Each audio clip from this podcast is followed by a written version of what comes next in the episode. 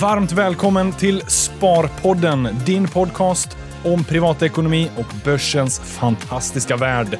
Varje onsdag ett nytt avsnitt. Häng med, för nu kör vi igång. Hjärtligt välkomna hörni, Sparpodden avsnitt 259 med mig Alexander Gustafsson och Med Jocke Bornold. du tände till ordentligt där. Du såg så lite deppig ut, men sen så fort vi körde igång, Ja, då gnistrade det till. så är det. När man är ett poddproffs Ja. vet man när det är dags. Hur många avsnitt är det nu? Ja, jag vet inte. Närmar sig miljarden. Ja. Nej, 150 va? Ja, men det är nog ändå en Lite 100, drygt. ja, 160 snart. Ja, snart 160. Ja. Hur många har du kört? Eh, ja, det är typ snart 100 då. Ja. Det är helt sjukt. Ja. Det går fort när man är kul. Ja. Och eh, vi har en eh, lyssnare som har uppmärksammat Svampbob Fyrkant på Sharewill. Vi börjar närma oss avsnitt eh, Volvo 260 Ja. för att återkoppla till tidigare avsnitt. Vad var det? 240? 240 kan det ha varit ja. Ja, som vi körde.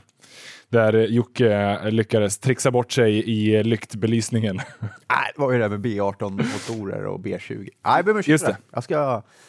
ja, Jag återkommer i ärendet. Vi får, vi får göra det. Det är den är stående punkt. Eh, den här lyssnaren har ju även noterat då att du ska ju sluta och har kommit med förslaget att vi skulle ta in Christer Gardell istället som eh, min medpoddare. Det är ett mycket bra val tycker jag. Ja, tro, tror vi att Christer Gardell är intresserad? Jag tror han är assugen på att vara med. Han var ju med på Nordnet Live faktiskt. Ja, Och eh, jag tror han gillar lite uppmärksamheten. Jag tror han skulle gilla han skulle, han skulle gilla att få inbjudan i alla fall. Att få erbjudandet, så kan jag säga. ja okej. Men är han den sparsamme typen? Jag vet inte. Jag får inte... Det beror ju på vilken, vilken nivå man är på. Ja. Sparsam är ju... Han har redan liksom lyckats spara ihop sin eh, förmögenhet. Han nog hemma, det tror jag. För den som inte känner till så är Christer Gardell en eh, svensk finansman, kan man säga. Ja. Driver en aktivistfond och eh, investerar i eh, mycket, många stora bolag. Han har gjort det bra också. Han har gjort det bra. Annars så är även Peter Benson, ett eh, tidigare poddnamn, eh, ett förslag också. Ja, men vet vi att jag ska sluta? Det kanske bara... Nej, det, vet, vi. det kanske bara är spel för gallerierna. det känns som allt bara rullar på här. Ja. ja. Du kanske bara vill liksom få den här extra uppmärksamheten nu. Efterlängtan. ja exakt. Så att folk ber på sina bara Ja. knän. Och sen bara, äh, jag ångrar mig. Snälla Jocke, vi behöver dig. Vi måste ha kvar dig. Göra en eh, Jocke Bornold. Det var faktiskt en kollega till mig som hade ett sånt uttryck. Det var att jag blev alltså arg på Skandia och sa upp mig. Och sen ångrar jag mig med, med typ en kvart senare. Eh, Men så ska, det inte, nej, så ska det inte bli den här gången. Men, Har det här hänt? Att du har sagt upp Ja, i vredesmod. Jag var mycket, het, jag var mycket hetare förr i tiden. Var Det var innan du fick barn eller? Ja, ja. då blev, jag var mycket mer eh, känslomässigt driven. Oj, Mm. det, det är ju nästan... Eh, skulle man vilja ta in den här chefen i ett avsnitt och eh, Ja. diskutera igenom, se hur... Eh, Nej, jag ska faktiskt passa på att be om ursäkt till alla chefer jag haft genom åren som jag har, ja. som jag bråkat med. Ja. Eh, men man måste vara lite bråkig också. Man måste vara lite stökig. Det är viktigt. Var du en bråkstake i skolan? Skolåren? Ja, Ja. det var Jo, det var ja. Det får jag erkänna. Jag var, en snäll bråkstake, men hade bara ett stort behov av att ifrågasätta och provocera. Tror jag. Ah, Okej. Eller mest ifrågasätta. Hur var det själv? Jag var motsatsen. Jag var den här Du superduktiga... var som- luggisen, eller hur? Ja, men jag satt alltid längst fram. Och jag har en eh, mycket nära vän och kusin. Vi, eh, vi eh, är otroligt nära vänner och eh, gillade att plugga. Vi var såna. Mm. Vi gillade att efter skolan sen gå hem och göra matteläxorna Ja. fortast möjliga. Jaha. Eh, det var lite konstigt, men vi tyckte det var otroligt kul och givande. Ja. Eh, men vi hade varandra också, vilket gjorde att då kunde man ju vara lite mer pluggig utan att det var att man fick liksom motstånd för det. Eh, men jag var inte så mycket bråkstaken, men jag var nog lite klassens clown också. Ja. Gillade uppmärksamheten. Ja. Och ja, finns väl en anledning att man sitter här. Ja, Ja. säkert. Säkert. Men var väldigt skötsam, eh, skulle jag nog säga. Om inte så får jag väl också be om ursäkt då till Ja. tidigare lärare. Ja. Så har vi gjort det. Nu har vi liksom pudlat ordentligt. Ja, ja, men det är bra. Det är bra. Det är, inte, det är inte det vi ska prata om. Eh, ungdomssynder bara. Även om det finns förmodligen mycket att reda ut i ett långt avsnitt. Eh, En annan podd. men... Eh, Barndomspodden. Barndomspodden. Nej. Det är nog eh, för känsliga tittare ska, och lyssnare så ska vi nog inte ta upp det där. Eh, rapport. Det är rapportsäsong. Du eh, klagade här över att du är sliten. Onsdag morgon idag, Ja. när vi spelar in det här. Eh, det är alltid slitet med rapportsäsong. Det är mycket som ska läsas och då hinner man inte sova som man ska. Så är det. Nej. Eh, det är ju kul också, det är jätteroligt. Men, men eh, det är en, eh, en period i jobbet var tredje månad och det är väldigt mycket. Och va- Intensivt. varenda kvartal så ställer man sig frågandes varför måste alla släppa rapporterna samtidigt? Det känns som de släpper dem eh, tajtare och tajtare också. Ja. Jag vet inte om det, det är min känsla i alla fall, eh, att man klumpar ihop det mer och mer. Men, eh, men, eh, och det gör det ju lite tuffare då, för det Ja. blir eh, mer att läsa på kortare tid. Ehm, Samtidigt så, ja, för, det är ju en högst relevant frågeställning, varför måste de släppa rapporterna samtidigt? Kan de inte liksom samsas och sprida ut det, göra det enklare för marknaden, för analytiker, för sådana som oss som är intresserade och investerare? Men motsägelsen till det där är väl att ja, om de, vem ska orkestrera det för det första? Och för det andra, vi kommer ju ändå spekulera i hur det går. ja, absolut. Om en konkurrent redan har släppt, ja, men då kommer man ju fort börja blicka till finns, nästa. finns siffrorna så ska de väl ut. Så Ja.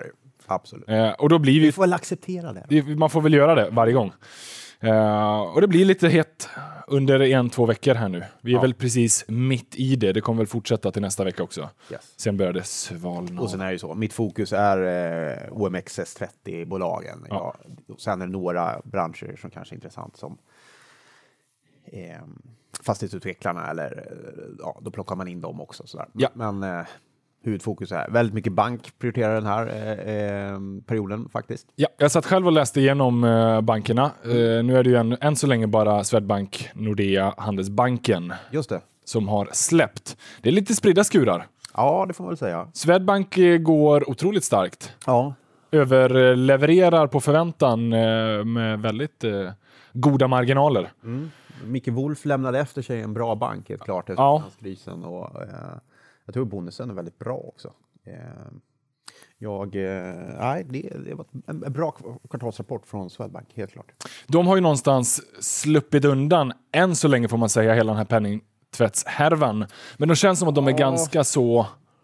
Det känns som de klarar sig. Ja. Eh, det finns ju inget konkret, utan man har mer bara pekat ut om att de har verksamhet i Baltikum som är stor Ja. och därav också i riskzonen att eh, hållit på med något liknande. Men det känns ju som man klarar sig undan det faktiskt. Ja. Även om aktiekursen tog mycket stryk här under en period. Eh, Mm. När det blåste som mest kring danske. Då. Men det, jag kollade faktiskt lite på vad våra kunder handlar. Du tar ju fram den statistiken varje månad.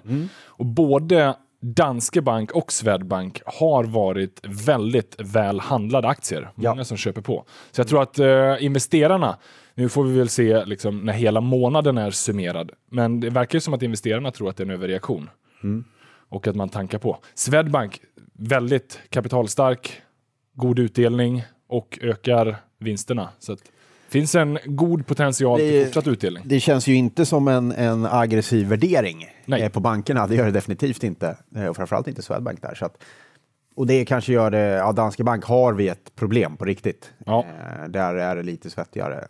Eh, Swedbank, där blåser det över. Eh, man inser att, vänta här nu, det är en bank som går ganska bra till låg värdering. Så, Mm. så ska väl den lyftas upp. Men eh, samtidigt då, det känns som att investerarna tror att okej, vi har ett re rejält problem i Danske Bank, men vi kommer nog klara oss igenom det här och vi kommer nog gå ur helskinnade. Även om det kommer kosta lite. Det är ett rimligt antagande. Om vi tar Danske Bank-caset eh, så är det ju så att det blir nästan någon slags race kring blir det en ny emission eller inte och det blir det som avgör om du gör en bra affär eller inte nu känns det som. Ja. Eh, ehm, de är ju väldigt lågt värderade förstås som det är nu och eh, ja, det är väl ganska attraktivt också om man vill ta den risken. Men Handelsbanken, Nordea, känns det som att eh, investerarna flyr. Nej, men Handelsbanken ehm, gillar ju inte aktiemarknaden. Analytikerna gillar ju absolut inte Handelsbanken. Nej. De har extremt eh, låga betyg på dem eh, eh, faktiskt. Ehm, Från att historiskt sett varit eh, ganska så ja, högt uppsatta. absolut. Handelsbanken har ju his- historiskt varit eh, eh, Rolls Royce bland bankerna. Ja, lite så. Det har Ja. varit låg risk, det har varit eh, bra kostnadskontroll, kontinuitet, ordning och reda, vd som sitter väldigt länge och sen blir ordförande och eh, det händer inte några överraskningar där. Nu är det tvärtom. Nu är det liksom, man har inte koll på kostnaderna riktigt. Eh, det börjar bli eh, svettigare och svettigare där. Eh, man har en verksamhet i England som har problem med Finansinspektionen eller har haft problem med Finansinspektionen. Eh, vi har alla de här eh, personalhistorierna på um, Ja, kring metoo. kring metoo på markets. Eh, stökigt där, kanske inte påverkar resultatet men påverkar säkert motivation och allt det. Ehm, samtidigt som man har den här problematiken med att man har väldigt många kontor. Och det är frågan först, ska man ha så många kontor? Och, ehm, och um, satsar man för lite på den digitala biten? Ja, sannolikt gör man det. Och nu pratar man om att man ökar Ja. satsningarna, eh, drar ner lite folk, men det är så otydligt. Jag tror det är... Det var det jag tänkte på också. Man vill ändå stå fast vid att vi har ett kontorsnätverk. Det är våran edge. Ja, Men man ska dra ner med 1600 anställda kommande fyra åren. Nej, två Ja. åren kanske till och med. Tre åren. fyra. Fyra åren. Ja. Eh, det går inte riktigt ihop.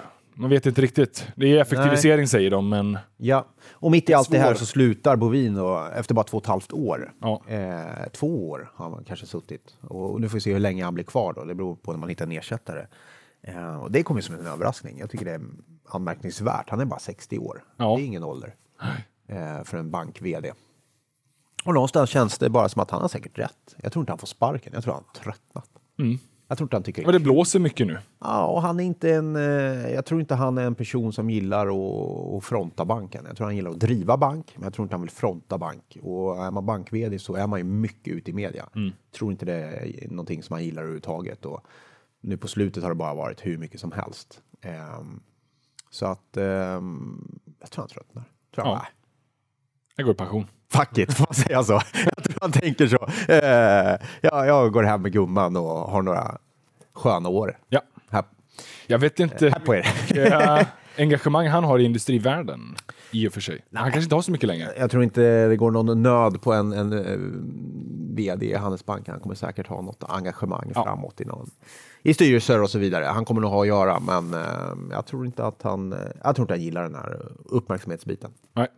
Så får vi se om man hittar någon annan. Men kvar, stora frågetecken kring Handelsbanken. Ja. Det kvarstår nog faktiskt. Och det är, har smugit sig på den här biten att förvandlas från eh, klassens stjärna till eh, klassens Jocke Bornold. Ja, men snygg. Snygg övergång. Snygg tillbakakoppling. Uh, ja, nej, men det är väl... eh, det är, det är lite lustigt nu när det liksom spretar isär, för bankerna har ju tidigare varit ganska samsynkade. Ja. Eh, men vi får väl se vem som vinner racet. Nordea n- liksom eh, pratade inte ens om i vd-ordet om hela den här penningtvättshärvan. Jag tror inte det stod ett ord om det. Nej, han, han pratar om det i intervjuer, eh, Ah, okej. Koskul, ehm, och säger ju ingenting. Nej. Kan man konstatera. Ja. Han, han, han säger ingenting, men han pratar om det. Ja. Eh, och det, ja. Nej, det är svårt också. är Man kan svårt. inte gå ut och... Den är ju... Däremot minskar intäkterna eh, i, i Nordea ganska rejält. Ja. Eh, nu gör väl det för de flesta bankerna här eh, från förra året som var extremt bra. Men, ehm, och det pratar väl Koskul om också, att man, man drar ju ner på risken i Nordea. Tror man tappar, bland annat i Norge tappar man en hel del affärer på det. I, till exempel olja och gas som nu verkar gå väldigt, väldigt bra. Ja. Så ehm, det är ganska naturligt ehm, kanske att man gör det i och med att man drar ner på risken i Undrar banken. om det är en konsekvens av att man nu har flyttat. Nu har man ju genomfört flytten till Finland. Om Mm. eh, det har varit lite osäkerhet där bland eh, kunder, bland eh, Jag vet. Vad tror du? typer av intressenter. Det känns ändå som att det har pratats lite om det. Men det, bör ju inte, det- ska ju inte påverka, så att det känns ju irrelevant. Jag tror inte det heller. Det är kanske något man pratar om, men jag tror inte det är så många som funderar på att nej, nu, nu lämnar jag Nordea för att man flyttat till Helsingfors. Jag. Nej. Några. Men, men, eh, Ja, men så är det inte så att det påverkar på sista raden. Jag tror inte det. Nej, men det hade ändå påverkats ganska mycket på sista raden i rapporten. Eh, inte på grund av det där. Mm. Överhuvudtaget, Men, ja. Mm. men överhuvudtaget. Eh, men det är en stor bank, så det är, det är svårt. Det känns som att lönsamheten är fortsatt god, men det är inte en otrolig tillväxt längre. Nej, det är det inte, men ursäkta. Men det ser ganska bra ut. Vill du ha tips när du kollar på banker? Mm. Då kan man kolla också på lite andra banker. Man kan kolla på nischbanker. Det finns mm. ju ett gäng börsnoterade för att få lite koll på. Där kan man kanske få lite bättre koll på aktiviteten i nischade områden. Mm. Um, till exempel Avanza eller Collector. Collector, ja. alla de där. Men det finns ju också de som inte noterade som ändå släpper eh, sina resultat. Mm. Eh, och, och, I morse kom, eh, jag har inte hunnit läsa eh, hela rapporten, men läst siffrorna. Då kom, eh, den heter väl Sparbanken Skåne, mm. heter väl den till exempel, som är en ganska stor regional bank i Skåne. Eh, den är intressant, den brukar jag kika på. Det, är inte så mycket som stör där, utan det är verkligen core business. Ja, det. Det, det. är liksom storbankerna de har väldigt mycket olika verksamheter och det är stort. Och det, men där blir det ganska så här, hur går hur mår i alla fall Skåne och ja. Skånes näringsliv, privatpersoner? Det är lite tydligare. Mm. Jag gillar att kolla på dem där. Så det är liksom hur mår Skåne då? Är bra, ja. ser väldigt bra ut. Bra aktivitet. Eh, tror jag har ett ganska fint resultat faktiskt från, från, eh, från eh, Sparbanken Skåne heter väl? Ja. Mm. Spaning ut i landet. Ja, det, det känns som att det går bra ändå. Mm.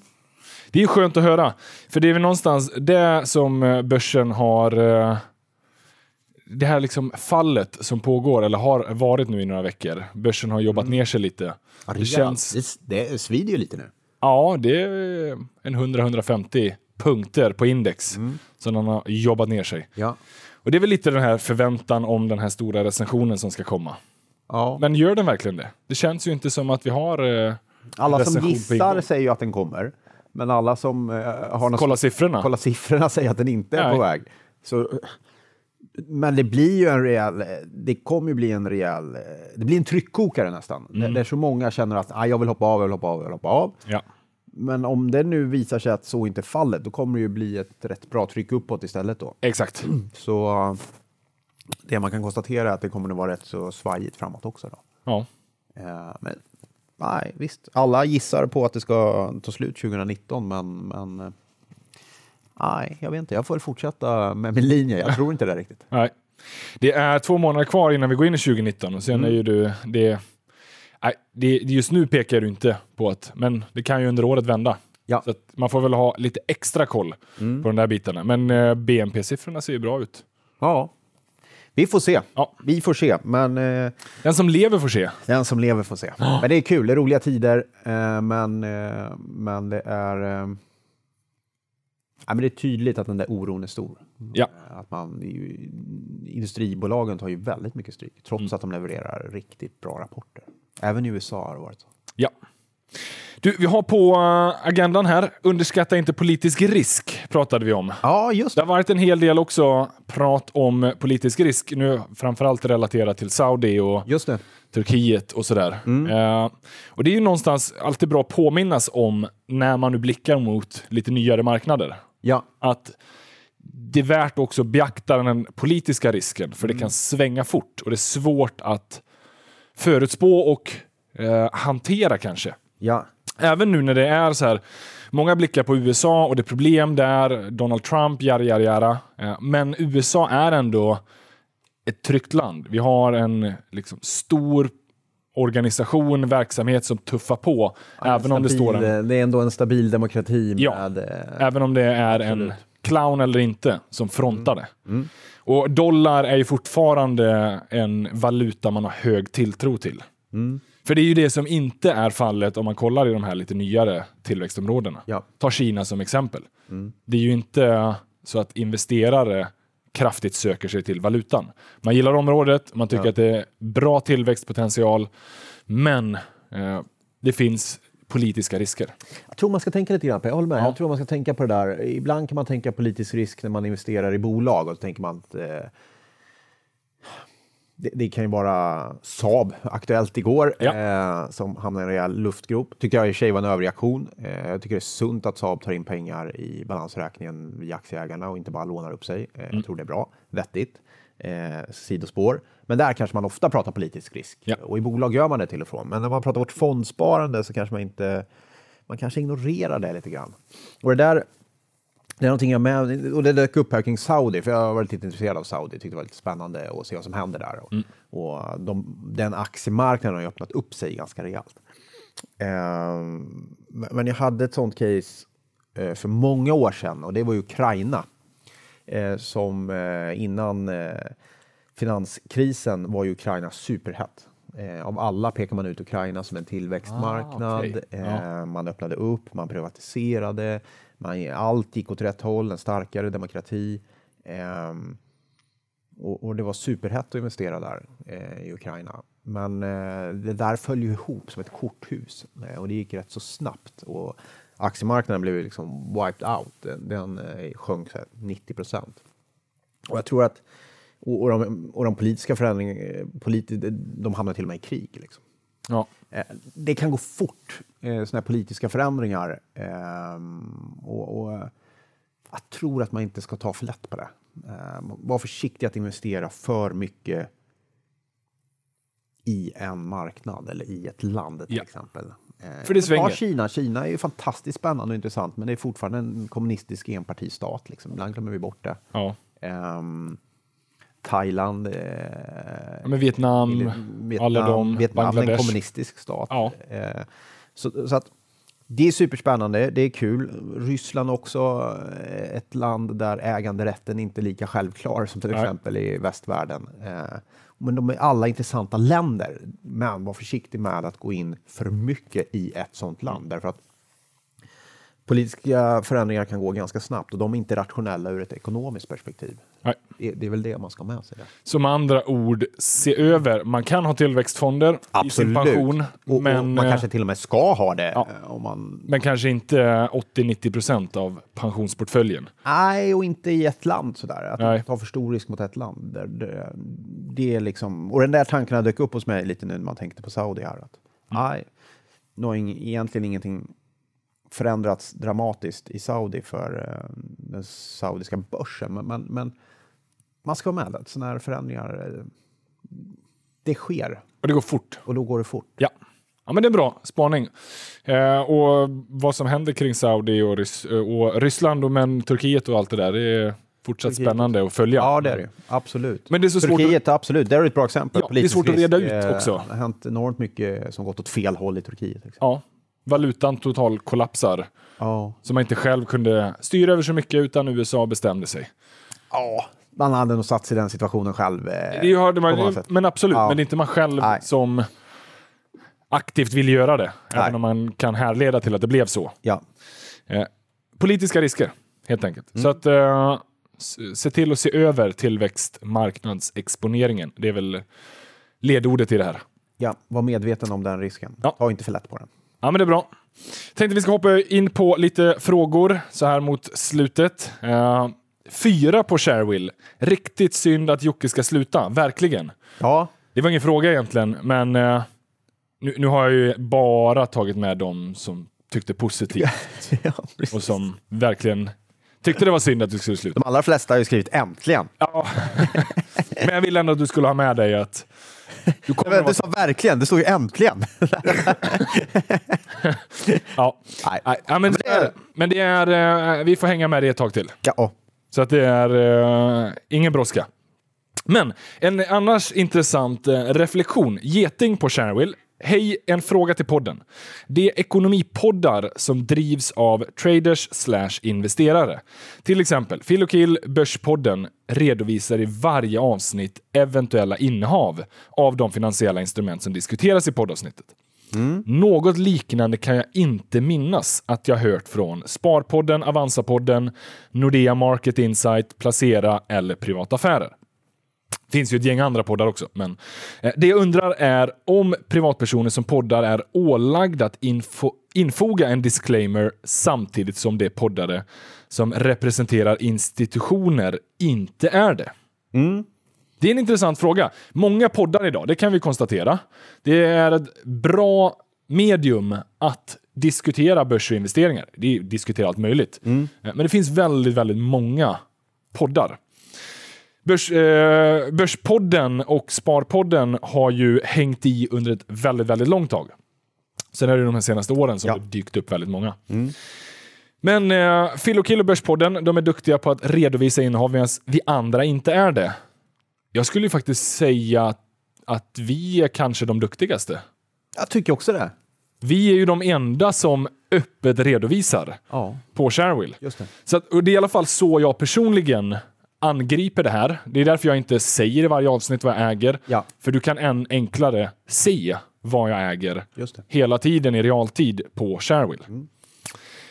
Och det gör det ju mycket enklare att förhålla sig till saker. Och vi har ju regleringar hur vi får handla som anställda på institutioner. Så är det.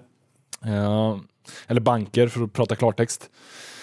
Men mig veterligen så finns det inget krav som poddare att du måste disclaima. Nej. Men det är ju bra, för du har ju fortfarande krav på, du får inte påverka marknaden eller manipulera. Precis.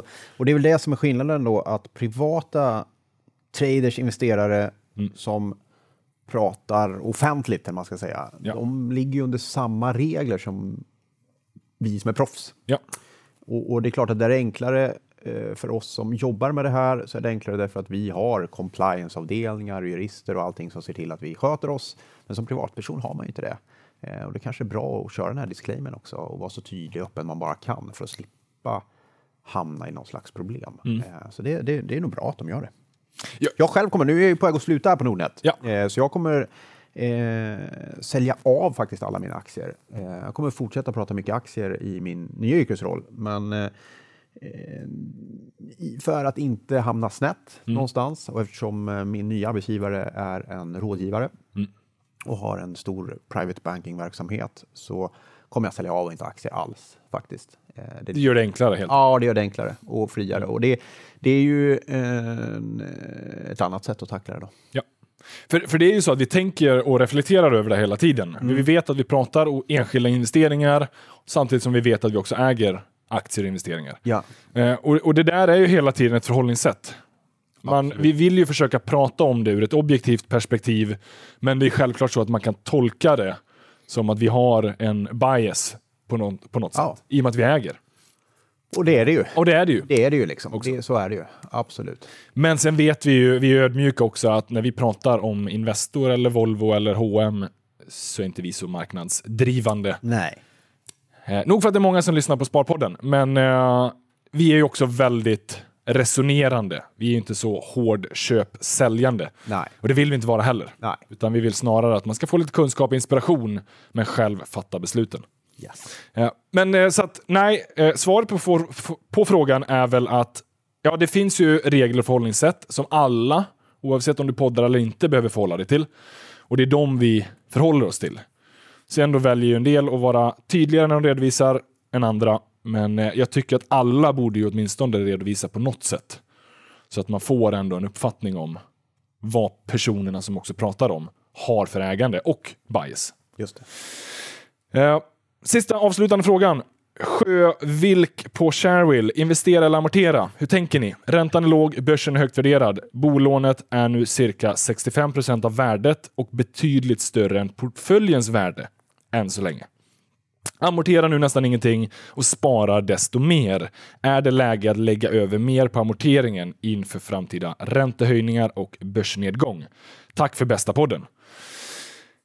Tack själv. Ja, tack själv. Tack för frågan. Tack för bästa frågan kanske. Eh, men 65 procent är ju en sund belåningsnivå i uh, verkligen förhållande till många idag. Men det här amortera eller investera, det är en konstant sån här fråga. Och eh, vi brukar ju alltid resonera i form av att det finns ju inget konkret, så här borde alla göra. Eh, Jag gillar ju mer att investera. Jag tror ju på potentialen på lång sikt. Amortera är ju en väldigt liksom, dålig avkastning på den sparformen. Du får ju, eh, liksom, du slipper betala räntan. Ja, Så att du har ju högre avkastningspotential på börsen så är det ju. Absolut. genom att investera. Men ett sätt att sänka risken i en ekonomi. Ja. kanske. Jag amorterar ju faktiskt. Jag gör det. Ja, du gillar att Eh, betala ner. Men å andra sidan har jag ju nästan ingen ränta, eller jag har ju ingen räntedel. I, jag ju liksom Ja. nästan alltid fullinvesterade aktier. Ehm, och då, eh, sänka risken i balansräkningen, så, så amorterar jag på bolånet. Och du sa innan här, den som är satt i skuld är icke fri. Så är det. Göran Persson. Ja, Älskar Göran. du gillar att leva efter det. Nej, ja, nej. Nej, du har ju skuld. Jag, jag tycker man, man ska... Eh, man ska inte maximera, men man ska optimera sin balansräkning. Mm. skuld är ett bra sätt att jobba faktiskt, även i din privatekonomi. Ja. Det tycker jag. Men inte maximera skuld Nej, sagt, utan inte ha balansen. Men optimera. Du ska hitta Ja. liksom den eh, perfekta balansräkningen i livet AB. Ja. Men så 65 procent av värdet. Eh, jag tycker väl ändå någonstans att det är en ganska bra nivå. Vill du jobba ner till 50-40, ja men all fine. För då har du verkligen en ganska trygg lånebild. Men eh, ja, det framgår inte hur här är ju- mycket som amorteras. Men, Kan man ge något råd till eh, Sjövilk här? Nej, det kan man väl inte göra. Eh, han, han, han funderar ju på det här, så det är väl perfekt. Men det är ju högst individuellt. Ja. Eh, det är ju ingenting. 65 procent, det är ju superbra. Eh, vad skulle jag ha gjort? Eh, ja, jag amorterar ju. Ja. Ja. så jag, jag, jag, det, det där är högst eh, individuellt. Det, men det är ju ingen fara. Jag skulle inte säga att det var ett dålig, det är inte en dålig strategi att istället eh, eh, satsa på, på börsen. Det tror jag inte. Om det nu är på lång sikt. Sen om det kommer en kurs, börsnedgång eh, här om ett år eller två, det, det lär det väl göra. Kanske. ja, men det, det, det är det som får mig lite fundersam kring frågan. Att, att man resonerar kring att en börskrasch kanske kommer. Mm. Har du, tror du det och du är orolig för börsen, ja, men då kanske du inte ska vara där. Eh, Men du ska Ja, ju hela tiden precis. tänka långsiktigt. Och Absolut. inte resonera kring... Men det är svårt, det. alla vill hitta tajmingen. Ja, är det bättre att ligga där? Det är det det är en där? fråga om snarare. Absolut. Timing än Ja. vad är det optimalaste läget. Yes. Så att, eh, ja, slutklämmen blir väl att fundera på hur långsiktig är du i ditt sparande. Är du kortsiktig, ja men då är det bättre att amortera. Mm. Är du långsiktig, ja börsen har en bättre avkastningspotential. Yes. Men optimera, inte maximera. Yes. Som en vis herre sa. Ja. Jag tror att det här är avsnitt 259. Som vanligt, stort tack till att ni lyssnar och som vanligt, fortsätt gärna skicka in frågor, önskemål, klagomål, kommentarer och övriga åsikter. Mellanmål. Och mellanmål gärna också. Skicka in det till oss. Uh, hashtag Sparpodden på Twitter eller eh, under uh, hashtag Sparpodden på Sharewill. Jocke, tack Ja. för den här veckan. Tack själv. Så hörs vi igen framöver. Det gör vi. Ciao. ciao.